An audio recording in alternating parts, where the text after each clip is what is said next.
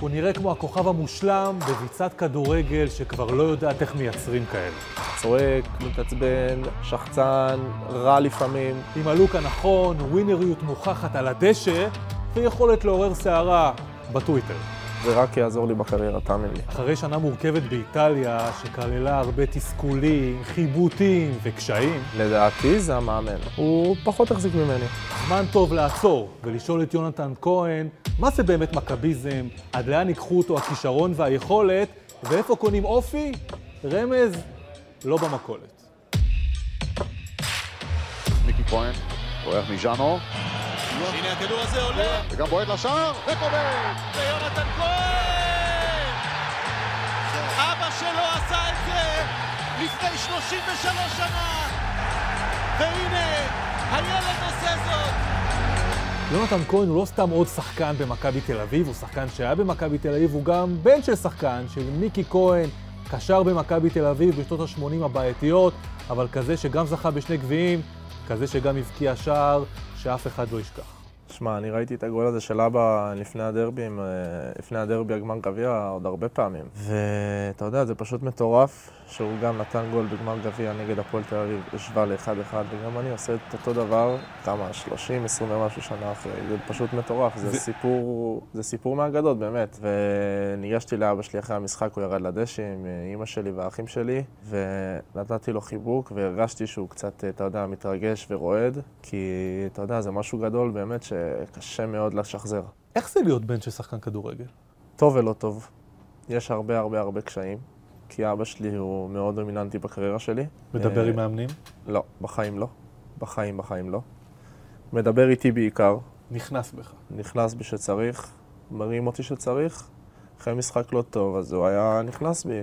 וגם אחרי משחק טוב הוא יכול להיכנס בך. גם אחרי משחק טוב שהייתי נותן לפעמים שלושה, הייתי נכנס מבסוט הב- לאוטו ו... ומצפה לאיזה פידבק. אבל למה לא סגרת? אבל למה לא הודעת? ואז הוא אומר, לא רצת מספיק. לא רצת מספיק, לא, לא חילצת מספיק, לא הגעת למספיק מצבים, אז אתה זה שלוש גולים, זה לא מעניין. לאורך זמן אתה צריך להיות יותר טוב. אימונים ש... אישיים? היה עושה לי. זה מעצבן, לא? קשה, הוא היה זורק אותי מהרבה אימונים. הייתי נזרק הביתה אחרי... כי הוא הרבה אימונים. מאמן. כי הוא המאמן, והוא הרשה לעצמו כאילו בגלל שאני הבן. אבל אני חושב שהדברים הרעים כביכול האלה, הם הביאו אותי למה שאני היום. זה קשה מאוד. היו ימים קשים, שמע, הייתי חוזר הביתה, ולפעמים היינו משבת לשבת, אולי מדברים יום אחד, פ... יום אחד, פעמיים ב- בשבוע. אבל בכלל זו תופעה מעניינת בנים של. אתה יודע, אין לנו בכדורגל שלנו יותר מדי בנים שלי. שמע, אני ילד מאוד מאוד מפונק. גם מהבית וגם, אה, אתה יודע, בילדות. תמיד אמא תכיני לי, אבא תכין לי, תמיד השחקנים היו צוחקים עליי שעוד הייתי רווק, שאבא שלי מכין לי כל בוקר אה, קפה עם אה, פרוסה. שאני עוד בגיל 20 ואומרים לי, אתה כזה חמור גדול גבוה, פתאום בא לאבא שלך בבוקר, אתה אומר לו, אבא, תעשה לי קפה ופרוסה. בוא נדבר כדורגל. אתה כוכב כדורגל? במובנים מסוימים כן. תסביר. אני חושב שאם תשאל הרבה שחקנים, הרבה אנשים בישראל וזה, אני לא כוכב כדורגל. למה? כי לא עשיתי איזה, בוא נגיד, עונה מפלצתית של אה, 30-25 שערים, כמו שעשו פה ערן זהבי וכמו שעשו פה באמת אנשים גדולים. על זה רציתי לדבר איתך, כי כשאני חושב על אה, הכדורגל הישראלי ועל כוכבים בכדורגל הישראלי, כוכבי כדורגל ישראלים יש ערן זהבי, יש אה, מאור בוזגלו, בכלל רק אחרי שהוא פרש, אבל זה יותר בגלל דברים שמחוץ לכדורגל מאשר בתוך הכדורגל. האמת שזהו. אתה מקבל את התיאוריה? אני הזאת? מסכים איתך, לא למה אבל זה לא רק אשמת השחקנים לדעתי, זה אשמת התרבות ספורט שיש פה. היא גם לא ממנפת יותר את השחקנים. רוב הציבור לא מכיר את השחקנים. הם למה? פשוט מכירים אותם רק על המגרש. וזה משהו שלדעתי קצת חורה פה. אני, ממה שאני מבין, יש בעיה עם דוברים. דוברים שלא משחררים, לא מאפשרים שיחות, וגם כך לא מאפשרים לשחקן שיכול להיות כוכב, להיות כוכב. שמע, להגיד לך, להצביע נקודתית על דוברים, אני לא חושב שזו החלטה של הדובר, לא לשחרר את השחקן. הדובר בסופו של דבר מקבל הוראות מהמועדון. מהמנהל, מהמנכ"ל, מהבעלים. אבל אתה היית בסיטואציה שאתה הולך למ... למנכ"ל, לבעלים, לדובר, ואתה אומר לו, תשמע, אני רוצה לעשות איזה אייטם, זה, ואומרים לך, עזוב, בוא, בוא תדבר אומרים ש... בקלישאות. שהם מעדיפים שפחות לדבר עם התקשורת, כי מוציאים אותנו ככה וככה, ומשנים לנו את, ה... את המשפטים, ו... לא יודע. מישהו הולך בסיום המשחק עם הדובר שלו, ואז הדובר אומר לו, את תדבר על זה, את תדבר על פה, זה ככה זה. זה מה שקורה. ואפשר להתווכח? אפשר להתווכח, לדעתי שחקנים לא מתווכחים כי אתה יודע, לא רוצים עכשיו לצאת אה, ראש עם המועדון שלהם, אבל לדעתי צריכים אה, לפתור את זה איכשהו, עם, גם לדבר עם השחקנים, לדבר עם ההנהלה, לדבר עם המועדונים, שבאמת ישחררו ולתת אה, לשחקנים להתבטא בצורה חופשית, כדי שיכירו אותם יותר, ולא פשוט התשובות הרובוטיות האלה ששומעים אחרי משחק, שפשוט... שגם אתה נתת לפעמים. נכון, נכון, גם אני נפלתי בזה, אבל זה פשוט אה, משהו שאני מאמין בו שצריך להשתנות פה. אם אה, נשאל, נעשה סקר סביב האנשים אה, בענף, מה, מה הם יגידו על יונתן כהן? לא בכדורגל, באופי. בחור מאוד צנוע. כן. שקט, מצחיק. מקצוען. ו... ומקצוען גם. כי מצד שני, גם ה- יש הרי, כשאנשים מחוץ לענף, כששואלים אותם על יונתן כהן, ואנחנו שאלנו בשבוע האחרון, אומרים, יהיר, אה, מרוכז בעצמו, פוזות. אתה גם מכיר את הדיבור הזה. ברור לי. אז איפה, מאיפה מגיע הקונטרסט הזה? זה חתיכת קונטרסט. כי במגרש אתה... לא רוצה להגיד לך, אתה, אתה דמות אחרת. יש לך דמות? יש לי דמות במגרש חשבת על זה או שזה יצא? לא. זה, זה אני הטבעי שלי במגרש, והאני הטבעי שלי בחיים האמיתיים. לפעמים אשתי אומרת לי, למה אתה לא במגרש כמו שאתה בבית? צועק, מתעצבן, שחצן, רע לפעמים. היא רוצה שאתה תהיה בבית רע לפעמים ושחצן? כן. אוקיי. ולפעמים אימפולסיבי, ואתה צועק, ואתה כאילו, אני לא מכירה אותך ככה, כאילו, אני מכירה אותך בבית שקט, והכל רגוע, והכל בכיף. אז עכשיו אני אשאל אותך כמה שאלות על אה, אופי. אתה סוליסט? לפעמים כן, מתי? שאני רוצה לנצח. אגואיסט? לא. לא. מונע מאגו? אפשר להגיד, עכשיו על זה אני רוצה שנתעכב שנייה. כמה אגו מרכיב בהחלטות שלך? יש הרבה אגו בהחלטות שלי. להגיד לך שזה טוב, זה לא כזה טוב, אתה עוד אה, בחור צעיר, זה מתבגרים, לא? נכון? ולפעמים לומדים מזה, ואתה יודע, היו החלטות שקיבלתי כשהייתי צעיר שהאגו באמת השפיע עליי. עכשיו דוגמה אחת. חזרתי משתי השאלות במכבי תל אביב, מדיניות ההשאלות המפורסמת. והגעתי למכבי תל אביב כבר בגיל 22, אחרי שעברתי שלוש השאלות. שנה אחת בביתר תל אביב רמלה, אחרי הנוער, בני יהודה שנתי- ובני יהודה. ועוד שנתיים בבני יהודה, וחזרתי ואמרתי, כאילו, אני עם האגו שלי, כמו שאמרנו, שאני את מכבי תל אביב לא עוזב יותר. לא יוצא לשום השאלה, וגם אם צריך אני אשב שנה בספסל מצידי, כי זה האגו שלי עכשיו. האגו השתלט עליי ואני לא עוזב עכשיו את מכבי תל אביב. והתחלתי מקרטע, במחזור הראשון של העונה פתאום פתחתי משום מקום, ובישלתי, ואז פתאום עשרה משחקים לא שיחקתי. והיה שלבים שהייתי מתאמן בצד, כי היו 22 שחקנים על המגרש, אז הייתי יוצא החוצה ומתאמן עם המאמן כושר, ושחקנים בקבוצה ניגשו אליי ואמרו לי, מה יש לך אתה? שמע, אתה שחקן, חבל שתבזבז את ה- את השנה הזאת, את השנים הבאות, לך תשחק, לך תזה. ואמרתי להם, לא, הכל בסדר. ופה באמת האגו השפיע עליי ברמה אבסולוטית. האגו במקרה הזה הציל אותך. האגו הזה כן, זה, הקבל, זה החלטה טובה של האגו שלי, שלא ויתרתי, והתאמנתי ועבדתי, ובסוף המאמן כן ראה את זה, וכשקיבלתי את ההזדמנויות כן הייתי מוכן. אייפד. אופואדו לבד, והנה 4-3! הנה 4-3! אנחנו מכבי תל אביב, אנחנו שואפים לכל הקהרים. מכבי תל אביב מחזיקה את הגביע! זה מה שנצטרך את המשחק היום.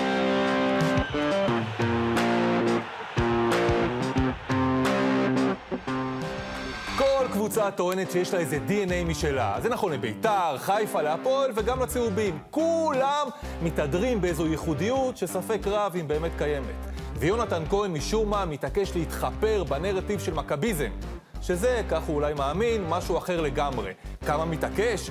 ברמה של סגירת דלתות מול שאר הקבוצות הבכירות בארץ. עכשיו בואו ננסה להבין מה הטעם במהלך שלא נראה לשון המעטה, מושכל או חכם במיוחד. כמו שאתה יודע, דיברנו עם הרבה אנשים, אמרו לי, תשמע, יונתן כהן זה מכביזם. יש בזה משהו? ל- לדעתי כן. מכביזם הוא דבר שהוא מאוד קשה להשריש קודם כל, איך משרישים? או שנולדים עם זה, ואז אתה מגיל צעיר כבר גודל שם והכל הרבה יותר קל, וגם בגילאים הצעירים כבר מלמדים אותך שתרצה לנצח תמיד, גם אם זה במשחקון הכי קטן באימון, בכל מחיר? בכל מחיר. מה זה אומר בכל מחיר? כל מחיר שאם אתה תדרך על מישהו שלידך, אין בעיה. אז אתה כמכביסט אומר בגאווה, אין לי בעיה, אני מפרק לאנשים את הצורה, דורך עליהם, הכל בשביל לנצח. ברור. שזה טוב, אבל יחסית למכביסט, אתה למשך כמה שנים היית אוהד הפועל. שיחקתי בהפועל שנה. היית ואז- אוהד הפועל. אהדתי הפועל שנה, ששיחקתי בהפועל, כן. אתה מכיר את התמונה שלך בגופייה האדומה?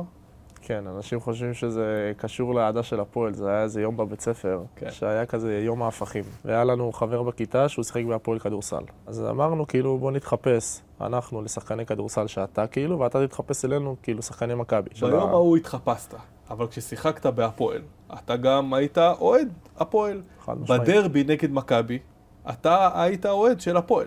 כן, כששיחקתי מה? בהפועל, אהדתי הפועל. היום אתה אוהד מכבי תל אביב? ברור, בדם שלי. לא משנה איפה אני אשחק עוד. זה מעניין, כי אה, כשאתה אוהד מכבי, זה אומר שזה יפריע לך לשחק בקבוצה אחרת? שמע, אני לא אתה יכול יודע. לשחק בהפועל תל אביב?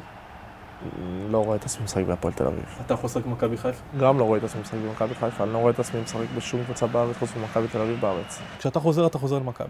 חד משמעית, זאת אופציה. תגיד, איזו עמדה אתה בכדורגל? אני או חלוץ שני, או כנף ימין, אז איך אתה מוצא את עצמך לפעמים כנף שמאל? זה לא לפעמים. זה רוב הקריירה שלי, הייתי אני אשחק עדין. כנף שמאל. ו- ואגף ימין היה עומר אצילי, ואגף שמאל היה אלירן עטר, וחלוץ היה נע בין שכטר לצ'יקו, זה לא משנה. אבל אתה יודע, זה שחקנים שהם יותר בכירים ממך כבר ב- בשלב הזה של הקריירה. זאת אומרת שאתה היית השחקן הכי טוב בליגה כשאתה משחק בעמדה שאתה פחות טוב בה ושאתה לא רוצה לשחק בה. לא רוצה כבר, זה היה בהתחלה, ואחרי זה כבר יישרתי קו עם הדבר הזה. אתה מבין מה שאתה אומר פה, זה הזוי. כן, זה זה, הזוי. זה הזוי. אז יש שלב שאתה הולך למי שמקבל את ההחלטות המקצועיות במכבי תל אביב, לא משנה אם זה המאמן או מי שמעליו, אתה אומר לו, תשמע, זה הזוי. שמע, היו לי הרבה שיחות על זה במהלך השנתיים-שלוש במכבי תל אביב, גם עם אבא שלי, גם עם הסוכנים, גם עם הקרובים אליי, באמת. בעיקרון, אמרו לי שאני צודק. לעשות עם זה יותר מדי, אי אפשר לעשות, כי בסופו של דבר מאמן, מה שהוא מחליט אתה תעשה. אם יש שחקן ישראלי שאנחנו צריכים להשוות אותך אליו מקצועית, מי זה יהיה? למי אתה דומה בתכונות האלו? אני תמיד כיוונתי לערן זהבי. גם הוא לא דריבלר גדול, כן. אנחנו גם, היה לנו הרבה שיחות על זה, ויש לי הרבה שיחות עם ערן, הוא חבר טוב שלי. כשהייתי מגיע לנבחרת, הייתי מדבר איתו הרבה. והוא היה אומר לי, תקשיב, אתה מתבזבז בכנף שמאל, אתה... אתה שח... אני רואה אותך, אני רואה את עצמי. כשאנחנו מדברים על ערן זהבי, חבר, בקשר טוב, אבל גם, מה, הוא סוג של מנטור? אספר לך סיפור ש... שהייתי בהיי מטורף, והוא פתאום הוריד אותי ל... לקרקע ב... בהודעה, שהיינו מדברים בתקופה של מכבי תל אביב, והיה את המשחק של ה-4-3 נגד מכבי חיפה. ואז אחרי המשחק אני מקבל, לא רוצה להגיד לך כמה, אז אלפי הודעות. אלפי הודעות של מחמאות, ואתה כוכב, הרים אותי לשמיים באמת. ופתאום קיבלתי ממנו הודעה בערב באיזה 2-3 בבוקר. הוא רשם לי כל הכבוד, ואז הוא רשם לי, היית צריך להכניס את החמישי אבל. זה לא יכול להיות שאתה לא מכניס את זה, זה לא יכול להיות שאתה לא מרוכז. וכאילו על זה הוא התביית, כאילו אף בן אדם לא רשם לי על זה, והוא רשם לי כל הכבוד וכל מיני כאלה, אבל, אבל היית חייב לתת את הגול השלישי. אל תישאר שבע לרגע, אתה חייב להיות מרוכז עד שהמשחק נגמר. כאילו, טמטם אותי כזה באיזשהו קטע של כאילו, איך לא נתתי את השלישי פתאום, אתה מבין? כאילו, שינה לי את התפיסה שלי, יאללה, יכלתי לתת שלושה ולקחת את הכדור הביתה. אז בואו נדבר על ההתנהלות של מכבי תל אביב. תסביר לנו, בבקשה, מבפנים, מה זה מיץ' גולדהר? שמע, בשנתיים שהיה לנו עם איביץ', אז הוא קצת היה יותר פעיל, הוא כן היה מגיע למשחקים לפעמים, ולפני משחקים חשובים אז הוא כן היה עושה לנו שיחות פתאום בווידאו. איך השיחות איתו? קצת הוא- מוזר, לא? הוא לא כזה משלנו, הוא מדבר בקודים... לא, לא, הוא מאוד מאוד, אה, בחור מאוד סוחף, אוקיי. והוא מאוד מאוד אה, רציני, והוא מראה לך שמכבי תל אביב חשובה לו, היו לך שיחות אחד על אחד איתו? פעם אחת. אבל כשאתה רצית ללכת לפיזה, אם אני מבין נכון, האיטלקים ניסו לדבר, אבל לא היה להם מי לדבר, כי הם מחכים שהוא יענה לאימיילים. גם מחכים לו, גם מחכים לג'ק, אני גם שלחתי כמה הודעות לג'ק והוא פשוט לא ענה לי. מה זה? לא יודע, זה ווירד, לא? לא יודע להסביר לך את זה. ברק יצחקי, כמה דומיננטי הוא? יש דברים שהוא מחליט? לדעתי הוא כן מחליט על שחקנים, והוא כן מסתכל על שחקנים, ואני יודע שהוא מסתכל על שחקנים, כי הייתה לנו שיחה בתחילת העונה, וכן דיברנו פתוח על אה, שחקנים ועל... אה, גם על המצב הקבוצתי, ודיברתי איתו באמת פתוח על, אה, על השחקנים שהיו מושאלים וצעירים, וכאילו הייתה לנו באמת שיחה טובה וקשר טוב. יונתן, אתה אוהד של מכבי תל אביב, אתה עוקב אחרי מ- מרחוק בשנה האחרונה. מה מכבי תל אביב, איפה היא טועה? מה היא צריכה לעשות כדי לחזור להיות דומיננטית? אני חושב שלשדרג את הסגל המקצועי, כסף. לפתות יותר שחקנים, לשלם אולי טיפה יותר, כמו מי? יש הרבה ישראלים בשוק. אם עכשיו אתה לא קיבלת הצעה, אבל נ- לפי מה שאני מבין, תקן אותי אם אני טועה, אבל אם עכשיו לא, כן אתה פונים, לא טועה. עכשיו כן פונים אליך, אומרים לך, תשמע, יונתן, טעינו. אנחנו לא יכול, עשינו טעות שנתנו לך ללכת, תחזור, אנחנו נגבה את האמירה שלנו בכסף. אנחנו נסתדר עם האיטלקים. זה משהו שיכול לקרות הקיץ הזה מבחינתך, אם זה קורה ואתה חוזר? חד משמעית, אף אחד לא אמר לא למכבי תל אביב ואף אחד לא חסם שום דבר. אבל בדרך, ל... בדרך לפיזה הייתה את הפרשייה הזאת עם מכבי תל אביב. אה, פרשייה שהאמת שאני לא כל כך הבנתי את זה.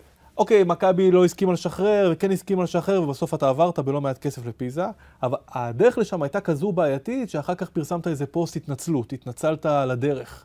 שמע, היה תקופה לא פשוטה בשבילי, כי בסופו של דבר אתה לא רוצה לעזוב ככה את המועדון שלך. היו כמה פישולים שלי, פישולים שלהם בדרך. על זה אתה צריך להתעכב, מה פישלת? היה לנו משחק באירופה נגד, אה, לא זוכר כבר את השם, משחק גומלין, וניצחנו 2-0, ועשיתי לדעתי משחק טוב. והדיבורים בימים האחרונים שהיה לי ב... עם האנשים במכבי תל אביב זה שאני השחקן הכי טוב בקבוצה, והמספרים שלי אין להם תחליף, ולא רוצים לשחרר אי אותי, אפשר לשחרר אותך, וכרגע לא רוצים לשחרר אותי בסכומים האלה, שהם לא בכיוון. ואתה תחת חוזה. ואני תחת חוזה, אז אני כרגע נשאר במכבי תל אביב. ואני משחק, ובישלתי במשחק הזה, ועוד התחלתי מהלך של גול. לא משנה, עשיתי משחק יחסית בסדר, לא לסטנדרטים שאני מצפה להם, אבל יחסית משחק בסדר לתחילת עונה. וחילוף ראשון, דקה 50 ומשהו, השלט שלי מונף, ואני מוחלף בבלומפילד. אז אתה חושב עם עצמך, כאילו, מה קורה פה? אתם מראים לי שאני הכי טוב, ואתם רוצים להשאיר אותי פה ולתת לי הרגשה טובה, ואתם מחליפים אותי חילוף ראשון, שזה משהו שמאוד פוגע. ויצאתי, והייתי מאוד מאוד מאוד עצבני, באמת. עצבני ברמה שבחיים לא הייתי ככה במכבי תל אביב, ולא לחצתי יד למאמן. הלכתי ישר לספסל, ואני בראש במחשבות של... אה, אני אעזוב פה בכל מחיר, זה לא יעזור. בגלל החילוף. יכול להיות שזה היה משנה את הדעות שלי, אבל כל ההתנהלות מסביב הייתה לא מוסברת בשבילי עד הסוף לדעתי, וברגע שאומרים לי את הדברים האלה ומתנהגים אחרת, אז אתה מבין שהמועדון גם לא מסונכרן כנראה. מה עוד לא עשית בסדר אחרי זה? ואחרי זה ב- באימונים הבאים עשיתי פרצופים והתלוננתי קצת על דברים שכאילו לא... התנה- סיפורי פציעה, לא, פשוט התלוננתי שאני לא מרגיש טוב באחד הימים. שזה לא היה נכון, זה היה נכון, לא הרגשתי טיפה טוב, אבל אולי זה מהעצבים שלי במשחק, אבל כן. יכולת להתאמן. יכלתי להתאמן, ובאמת התנהגתי לא, לא כמו שצריך להתנהג מקצוען. אבל אפשר לעשות פרצופים אצל איביץ'? לא, אבל גם לא עשיתי. ומי שכן עשה? מי שכן עשה לא היה. במקום המאמנים שהיו, איביץ' לוקח אליפות במכבי? בשנה שאני הייתי אולי כן, לדעתי כן. לוקח אליפות. כן, כי היינו קבוצה טובה, כן. אבל השנה הוא יכל להתמודד אחרת עם הסיטואציה שמכבי הת- התמודדה איתה. יכל לקחת אליפות, אבל להגיד לך שבוודאות היה לוקח אליפות, לא יודע. אתה יודע, אבל זה לא קצת אה, למחזר את הסיפור? יכול להיות, יכול להיות שאיביץ' יחזור וייכשל, זה לא... אין פה עכשיו אה, גרנטי לזה שהביאו את איביץ' לשנתיים האלה שהם אה, הפסידו פעמיים בשנתיים, נכון. אז איביץ' עכשיו יגיע ויביא אליפות למכבי תל אביב. לא, צריכים לשדרג את כל ההתנהלות שם, צריכים לשדרג את הקבוצה מבחינה מקצועית. אני בטוח שאיביץ' יודע בדיוק במה מכבי תל אביב חסרה, והוא ישדרג שם את המקומות שהיא פגיעה בהם. בתקופה של איביץ', איביץ' שולט ב- במסדרונות. זאת אומרת, אף אחד... אבסולוטית. שליטה אבסולוטית. תן דוגמה. אה, קנסות, דברים... יש אה, קנסות? בטח, אתה חטפת קנס? חטפתי קנס. על מה? על אה, צהוב, צהוב שהוא לא במקום, אתה מקבל קנס. ואם המאמן חוטף צהוב? שלם, שילם. איביץ' היה- חטף צהוב, שילם? שילם. כל הנהלים וכל החוקים היו ד- איביץ'. הוא הכניס את החוק במכבי תל אביב, של שעה אחרי האימון אף אחד לא עוזב את המתחם. יפה. שבהתחלה קיבלנו את זה ב- בשוק, שחקנים. כי אתה יודע, אתה לפעמים רוצה לחזור הביתה לילדים, ולפעמים אני אה, רוצה לחזור הביתה, כבר אין לך יש כוח לך תוכניות. למתחם.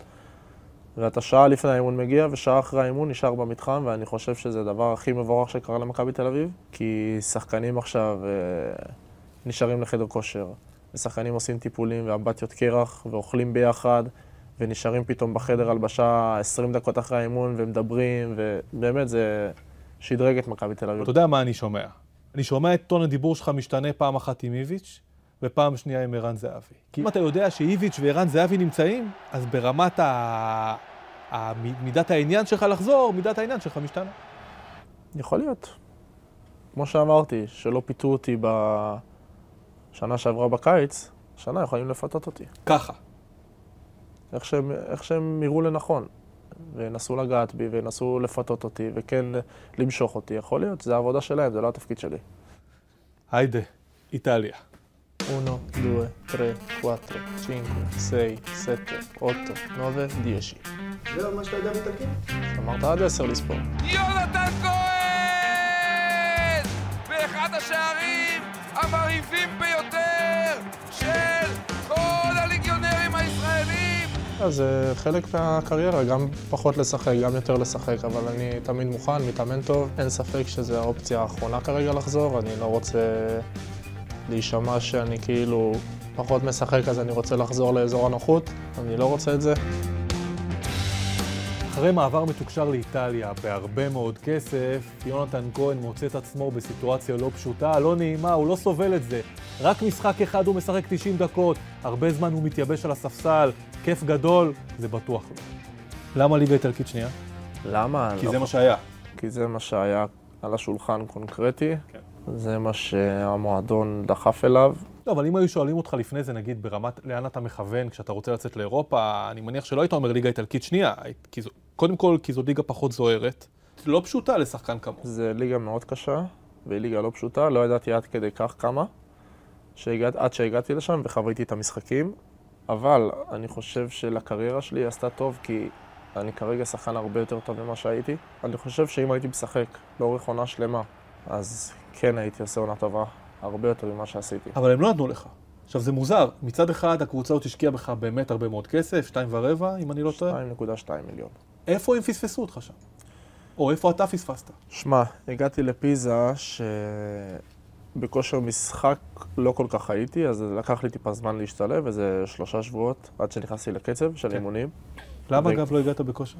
כי אתה יודע, זו הייתה תקופה של מכבי, והיה איזה שבוע וחצי שפחות התאמנתי. אה, ו- זו התקופה שאתה לא הרגשת טוב. כן, לא הרגשתי טוב. ואז כשקיבלתי את ההזדמנות פעם ראשונה בהרכב, אז עשינו משחק, מצ- עשיתי משחק מצוין, וניצחנו, ובישלתי, וזכיתי שחקן המשחק, ופתאום משחק אחרי אתה לא משחק. למה? לדעתי זה המאמן, שממה שאני קלטתי בשנה שעברתי איתו, הוא פחות החזיק ממני. פרצופים, אתה יודע, בסיטואציה ב- ב- במכבי וזה, אתה באת ואמרת שזה הפריע לך, אני יכול להגיד לך שבמכבי תל חייל. אביב, אם הייתי לא משחק בתקופה ככה, אז יכול להיות שהיה פרצופים ויכול להיות שהייתי מתנהג אחרת. אבל ברגע שאתה נמצא שמה, אז אוטומטית גם האופי שלך וגם האישיות שלך משתנה ומתעצבת, ואני יכול להגיד לך שהיום אני גם בן אדם שונה וגם שחקן שונה, גם בחדר הלבשה וגם מבחינת הלויאליות למועדון, שאני לא אעשה יותר שום בעיות. אה, יישרתי קו עם הדבר הזה. תסביר לי רגע את הקושי. אתה יודע, אתה מגיע לשם, אתה מגיע, מלא- אתה מבין שאולי ההשתלבות תהיה לא פשוטה, אבל ועכשיו אתה שלושה חודשים, פחות או יותר, אתה מתייבש, משחק פה ושם. זה נורא. כשאתה לא משחק, אתה לא מרגיש גם חלק מהקבוצה לפעמים, וזה דברים מאוד קשים שאתה חווה אותם פעם ראשונה בקריירה. אתה יודע, זה חוסר אונים מוחלט. עם מי- חוסר אונים, אני מדברים יכול על להגיד קירות. לך שהיו לי לילות לא פשוטים, וגם עם אשתי, אתה יודע שאני יש רגעים שאתה אומר בוא נחזור? לא.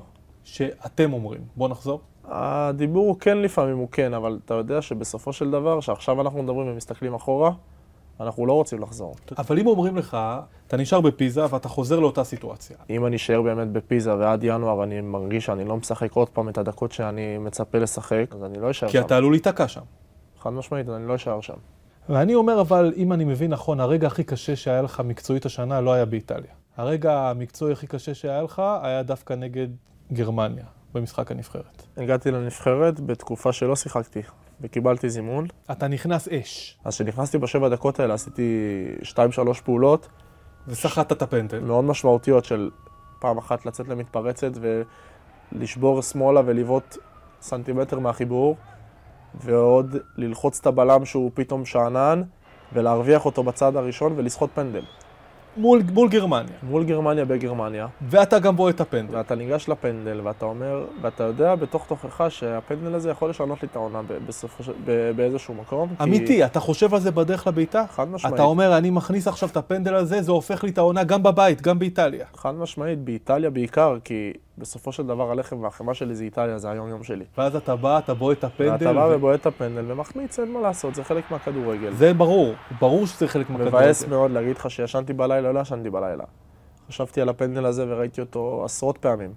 אה, טוויטר. כל כך קיווית וחיכית לזה.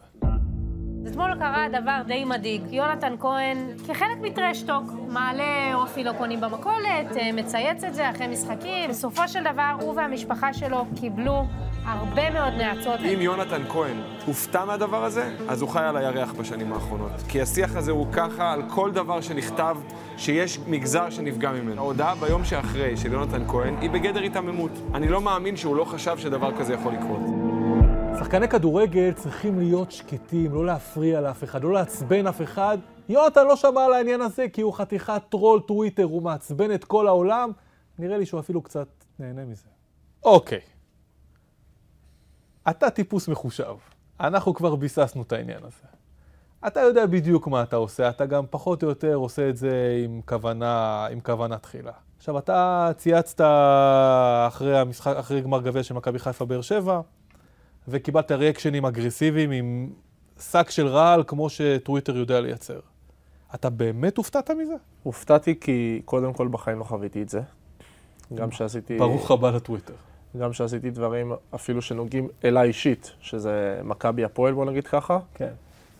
אבל ברגע שצייצתי איזה משהו, וזה מגיע ל, למשפחה, ולא מגיע אליי ישירות, אלא לרוב, רוב ההודעות קיבלו המשפחה, והאחיות של אשתי והמשפחה שלי, אז כן, הופתעתי, וכן, להגיד שאני תמים, לא, אני לא תמים, כי, כי ברגע שאתה מצייץ משהו שהוא באמת לא עכשיו, לא צייצתי משהו כזה כזה גרוע, בוא נגיד את האמת, כאילו. ממש לא. דיברתי על אופי של קבוצה, וזה גם, לא באמת, אני לא באמת, שלא קונים במכולת. אני לא באמת אומר שלמכבי חיפה אין, אין אופי, כי בסופו של דבר הם היו הקבוצה הכי טובה בארץ. אבל מה אכפת לך ממכבי חיפה נגד הפועל באר שבע? מה, אתה אוהד של אה, הפועל באר שבע? זה לא אכפת לי, אבל זה, זה הפלטפורמה, זה הטוויטר, אין מה לעשות. כי אתה רוצה, בין היתר, כוכב כדורגל, צריך שתהיה לו, נוכ... תהיה לו נוכחות גם ברשתות חברתיות, אז זה משהו שעושים בלי לדפוק חשבון. אתה איש כדורסל, כן. עכשיו, מיאמי היה להם איזה משחק, ואמביד צייץ בטוויטר נכון. שלמיאמי חסר כוכב. נכון? עכשיו, אם היה מישהו מצייץ בארץ על מכבי חיפה חסר להם כוכב אחרי הגמר גביע, מה היו עושים לו? היו קוראים אותו. נכון? אז אבל אתה פה, מבין? אין, אבל פה אין טולרנטיות. זהו. אנשים כאן, כשהם נעלבים, הם נעלבים, נעלבים על מלא. לא רק זה, אתה, אם לפני כן היית גבולי, אתה עכשיו הבד גאי האולטימטיבי. אתה המכביסט, השחצן, שבא בטענות לקבוצות אחרות, ואתה מסומן. זה לא נמחק. זה רק יעזור לי בקריירה, תאמין לי. אז עשית את זה בכוונה. אז אתה טרול מחושב, שיודע מה הוא עושה, ואתה גם מבין שאתה לא תגיע למכבי חיפה. יכול להיות בסופו של דבר אני לא אגיע למכבי חיפה, תקשיב, מכבי תל אביב זה הבית שלי, אבל זה לא משנה. ברגע שאתה רוצה לעשות טיפה, קצת עניין, וכן, אתה לא כמו רובוט שמצייץ דברים לא קשורים, אז אתה משחק לפעמים קצת ברגשות של אוהדים. אז אתה יודע, יכול להיות שגם יטרילו אותך בסופו של דבר, ויעקצו אותך ויפגעו בך, אבל ברגע שזה אובר, אז בוא, אתה מבין שזה... כתבת בציוץ שאחר כך, זה כבר לא כיף.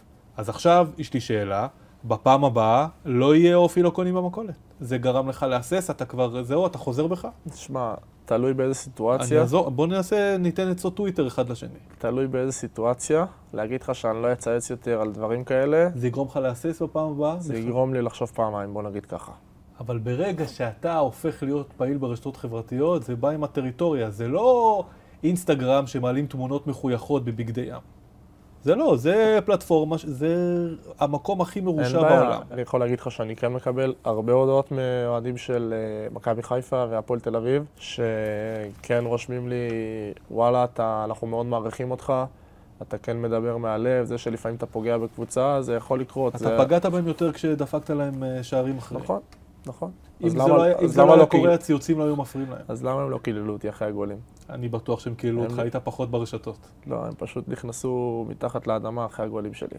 אבל הם לא, לא היה להם את הביטחון עכשיו שהם זוכים באליפויות, אז אם מישהו בא אליהם, אז הם עכשיו מרגישים על גג העולם ופשוט מרשים לעצמם להיכנס במשפחה שלי. אוקיי. שאלתי אותך אם אתה סוליסט, אגואיסט, השאלה הבאה זה אם אתה ביביסט. ביביסט, כן.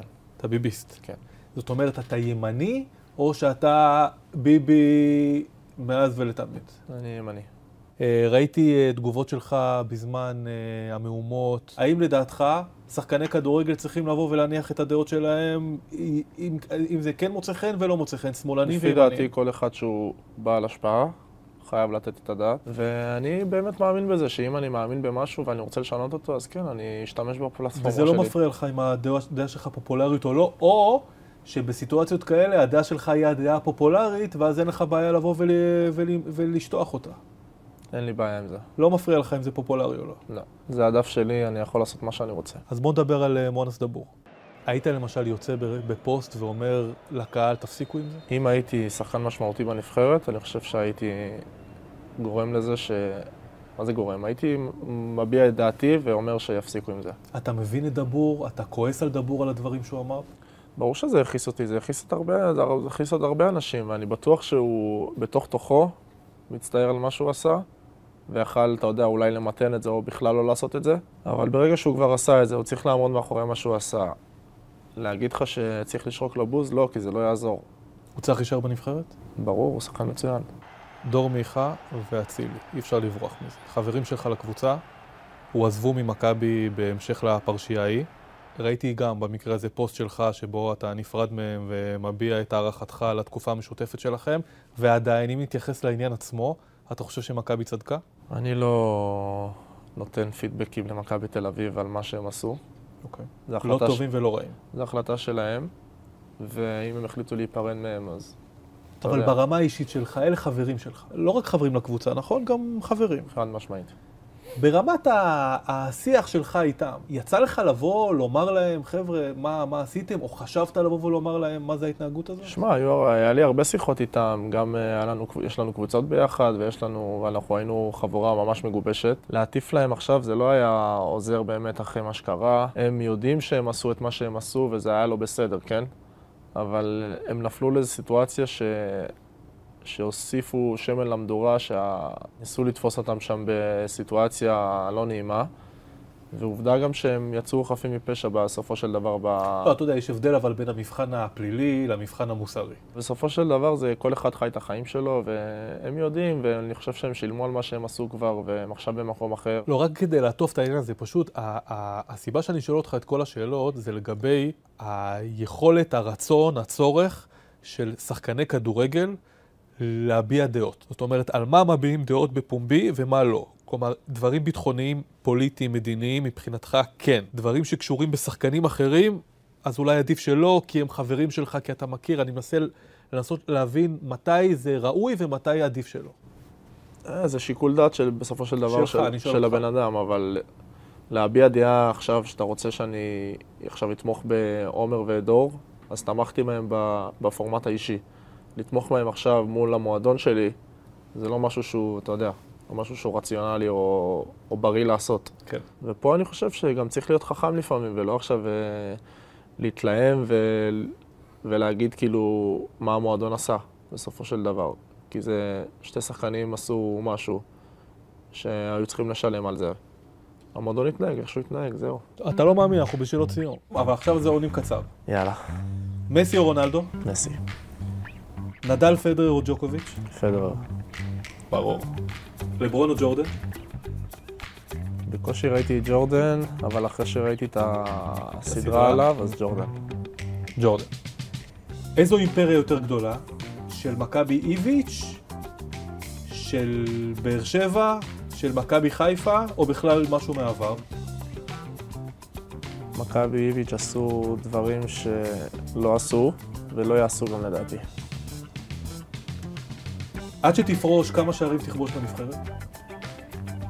נקווה ש... דו-ספרתי.